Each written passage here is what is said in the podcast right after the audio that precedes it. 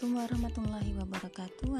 Anak-anakku semuanya Kita akan melanjutkan pembelajaran IPS Kali ini kita akan belajar sejarah tentang tanam paksa. Nah, sistem tanam paksa atau yang biasa disebut dengan kultur stelsel Ini dicetuskan oleh orang yang bernama Van den Bosch. Nah, tujuannya adalah untuk memperoleh pendapatan yang besar dengan mewajibkan menanam tanaman dagang yang laku dan dibutuhkan di pasaran Eropa.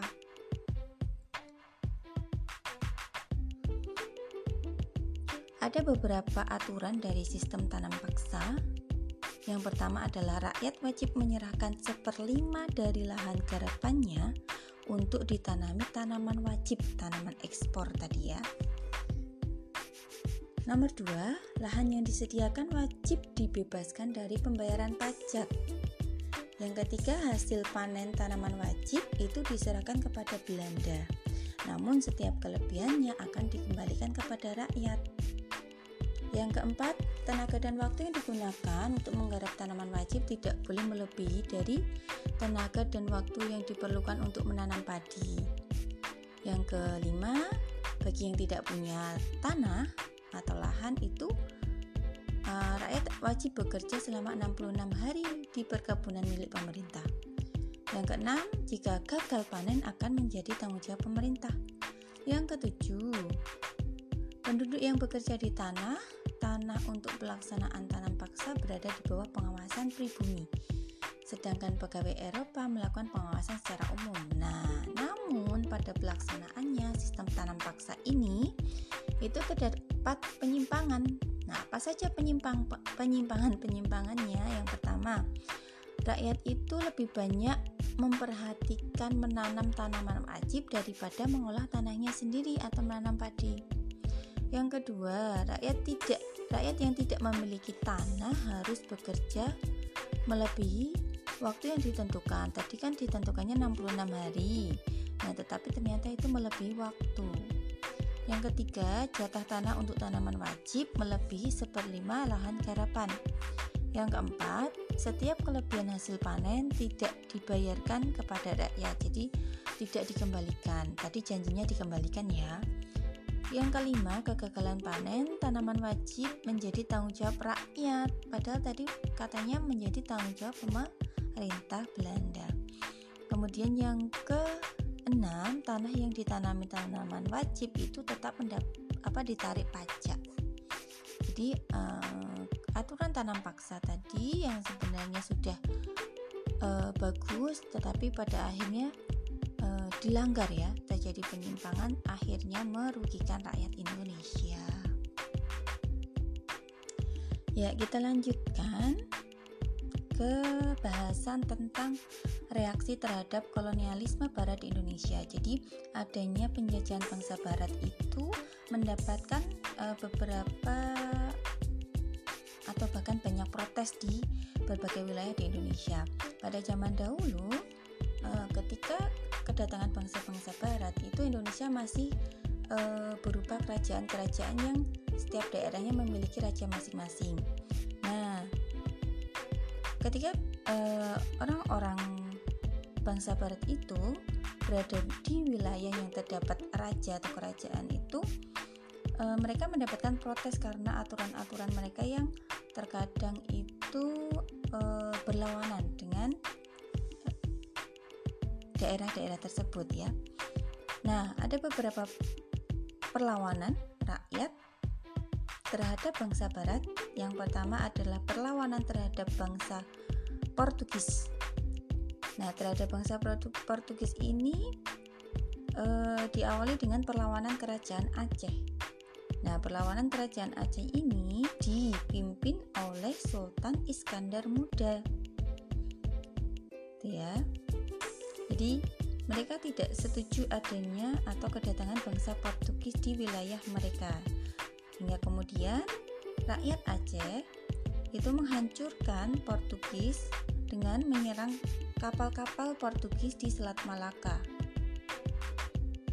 Nah, pada serangan tersebut berhasil mengusir Portugis dari Malaka yang eh, di tempat tersebut bangsa Barat atau Portugis tersebut mencoba menjajah Aceh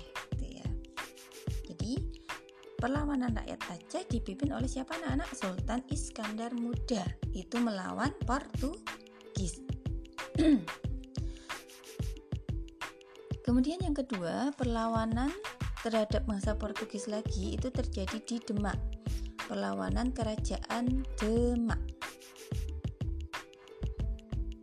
Nah, kerajaan Demak ini dipimpin oleh seorang raja namanya adalah Raden Patah. Nah, kedatangan Portugis itu di Demak itu memonopoli perdagangan rempah-rempah, gitu ya. Di Selat Malaka. Hal ini sangat merugikan rakyat Indonesia di berbagai daerah ya, termasuk di Demak. Jadi ada keinginan untuk uh, rakyat Demak Eh, melakukan perlawanan terhadap Portugis. nah, akhirnya Raden Patah itu menyusun kekuatan untuk mengusir tentara Portugis yang ada di Malaka. Nah, kemudian pasukan Demak yang dipimpin oleh Adipati Unus atau Pangeran Sabrang Lor itu melakukan penyerangan namun masih mengalami kegagalan. Kenapa? Karena persenjataan Portugis itu masih lengkap dibanding dengan rakyat Demak itu sendiri. Nah, pada tahun 1527 pasukan Demak di bawah pimpinan Fatahillah kembali menyerang Portugis. Nah, dalam pertempuran tersebut, Demak berhasil mengalahkan pasukan Portugis dan mengusir dari uh, Sunda Kelapa, itu ya. Jadi tadi di Demak itu rajanya adalah Raden Patah. Kemudian uh, pasukannya yang pertama dipimpin oleh Pangeran Sabranglar atau Dipati Yunus itu gagal.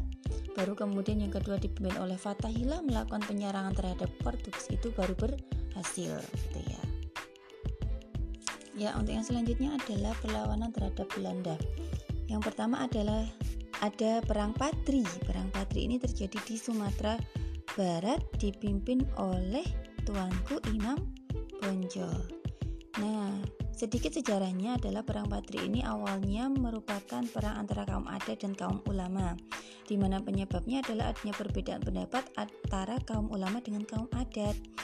Kemudian, kaum ulama ingin memberantas kebiasaan buruk yang dilakukan kaum adat. Nah, mulailah ada campur tangan Belanda. Kaum adat ini minta bantuan kepada Belanda. Namun, kaum adat sadar bahwa Belanda ini ingin menguasai Sumatera Barat. Akhirnya terjadilah peperangan. Nah, perang ini dipimpin oleh uh, siapa tadi? Tuanku Imam Bonjol. Untuk yang kedua, perlawanan terhadap Belanda terjadi di Ambon. Di Saparua ya, itu dipimpin oleh Patimura. Nah, rakyat-rakyat di Ambon ini menolak kehadiran Belanda karena mereka pernah merasakan adanya di bawah VOC jadi mereka menderita karena VOC akhirnya mereka menolak kehadiran Belanda dan melakukan pertentangan terhadap Belanda dipimpin oleh Patimura.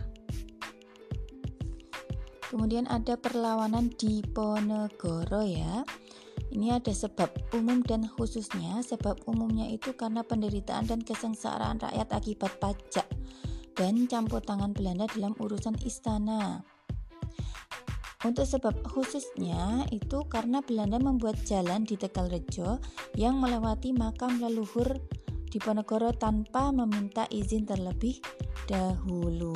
Jadi yang perlu diingat kadang yang ditanyakan adalah sebab khusus dari perlawanan di Ponegoro apa?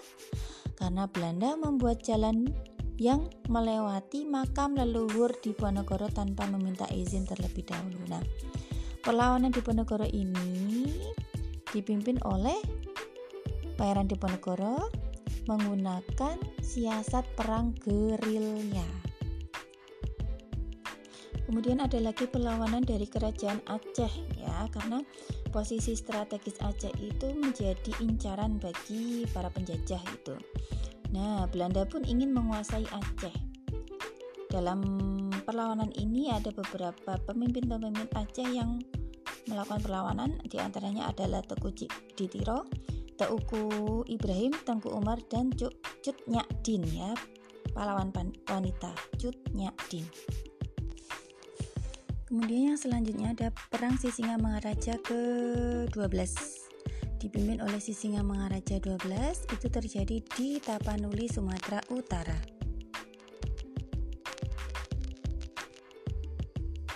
Yang selanjutnya ada perlawanan rakyat Makassar itu dipimpin oleh Sultan Hasanuddin namun akhirnya gagal karena dari pihak eh, VOC atau kolonialisme Belanda itu melakukan eh, apa namanya politik adu domba terhadap kerajaan Goa dan kerajaan Talo yang dipimpin oleh Sultan Hasanuddin dengan Arupalaka. Jadi ada adu domba ya, politik adu domba di situ.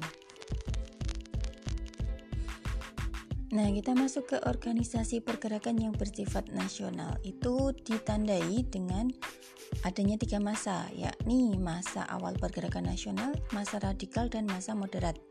Nah, di masa awal pergerakan nasional itu ditandai dengan adanya munculnya organisasi yang bernama Budi Utomo pada 20 Mei 1908. Nah, Budi Budi Utomo itu adalah organis, organisasi pergerakan yang muncul pertama kali. Jadi menggerakkan organisasi-organisasi muncul setelah organisasi ini gitu ya. Makanya Budi Utomo itu hari lahirnya tanggal 20 Mei diperingati sebagai Hari Kebangkitan Nasional karena munculnya pertama kali organisasi di Indonesia. Nah, siapakah pendirinya? Organisasi ini didirikan oleh Dr. Sutomo di Yogyakarta. Namun juga ada penggagas yang lain namanya adalah Dr. Wahidin Sudiro Husodo gitu ya. Jadi eh, awal masa pergerakan ini ditandai dengan adanya lahirnya organisasi yang bernama Budi Utomo. Kemudian selanjutnya muncullah organisasi lain yaitu Sarekat Dagang Islam yang didirikan oleh Haji Samanhudi di Surakarta tahun 1911. Nah, pada akhirnya SDI atau Sarekat Dagang Islam ini berubah nama menjadi Sarekat Islam. Yang kedua, pada masa awal pergerakan nasional ini ada organisasi namanya IP atau Indische Partij ya. Didirikan di Bandung oleh tiga serangkai yaitu Dawes Dekker, Dr. Cipta Mangunkusumo dan Suwardi Suryo Ningrat yang disebut sebagai tiga serangkai. Nah, selanjutnya adalah masa radikal. Masa radikal ini disebut radikal karena organisasi yang bergerak itu sangat keras terhadap pemerintah Belanda. Contohnya adalah Perhimpunan Indonesia, yaitu organisasi mahasiswa bumi putra yang belajar di negeri Belanda. Perhimpunan Indonesia. Organisasi yang kedua adalah PKI, Partai Komunis Indonesia. Ini didirikan oleh orang Belanda.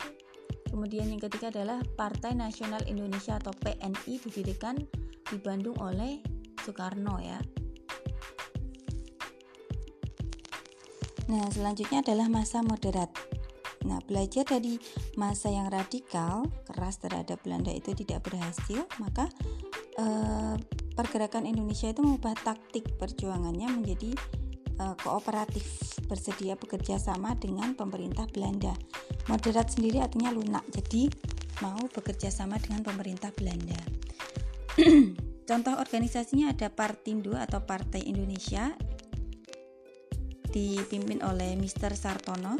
Kemudian ada Partai Pendidikan Nasional Indonesia atau PNI baru. Ini tokoh pendirinya adalah Muhammad Hatta dan Sultan Syahrir. Kemudian ada Parindra, Partai Indonesia Raya. Ini didirikan oleh Dr. Sutomo. Kemudian ada Gerindro, Gerindo Gerakan Rakyat Indonesia Gerindo ya. Gerindo ini berdiri di Jakarta. Yang ketuanya adalah Aka Gani. Nah, anak-anak untuk materinya Ustazah cukupkan sampai di sini dulu. untuk tugasnya silahkan kalian kerjakan LKS halaman 41 evaluasi subtema 1 ya. Di halaman 41 Romawi 1 dan 2. Silahkan dikerjakan dengan baik. Ustazah akhiri. Wassalamualaikum warahmatullahi wabarakatuh.